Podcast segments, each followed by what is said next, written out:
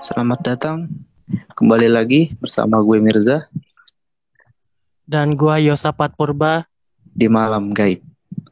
Oke, sebelum kita masuk ke pembahasan malam ini, gue menganjurkan kepada pendengar untuk tetap di rumah dan selalu menjaga kesehatan agar terhindar dari penyebaran COVID-19. Malam kali ini kita nggak bahas horor terlebih dahulu, karena kita akan membahas tentang peraturan yang mengatakan tidak boleh mudik terlebih dahulu. Karena semakin hari semakin dekat sama Lebaran juga jadi kita mau bahas tentang itu. Ngomong-ngomong, membahas tentang mudik kali ini, pemerintah sudah membuat larangan tentang mudik.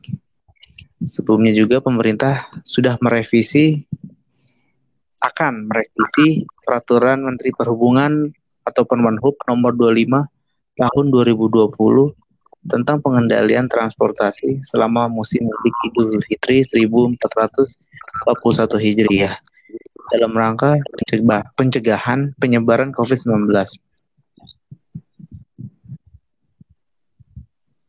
Setelah sebelumnya peraturan larangan mudik yang dibuat oleh Menko Kemaritiman dan Investasi Luhut Bin Sarpanjaitan yang sempat menjadi pelaksana tugas Menteri Perhubungan membuat aturan larangan tentang mudik lewat Permenhub nomor 25 tahun 2020. Permenhub itu mengatur pengendalian transportasi darat, laut, udara, dan berkereta-apian untuk mudik di tengah pandemi virus corona. Nah, selanjutnya larangan ini berlaku juga untuk kendaraan yang keluar masuk di wilayah-wilayah yang telah menerapkan pembatasan sosial berskala besar atau PSBB, kemudian wilayah zona merah penyebaran virus corona, dan juga di wilayah aglomerasi yang telah ditetapkan PSBB. Di dalam aturan itu, larangan mudik juga untuk sektor darat dan penyeberangan. Mulai berlaku tanggal 24 April sampai tanggal 31 Mei 2020. Untuk kereta api mulai tanggal 24 April sampai tanggal 15 Juni 2020.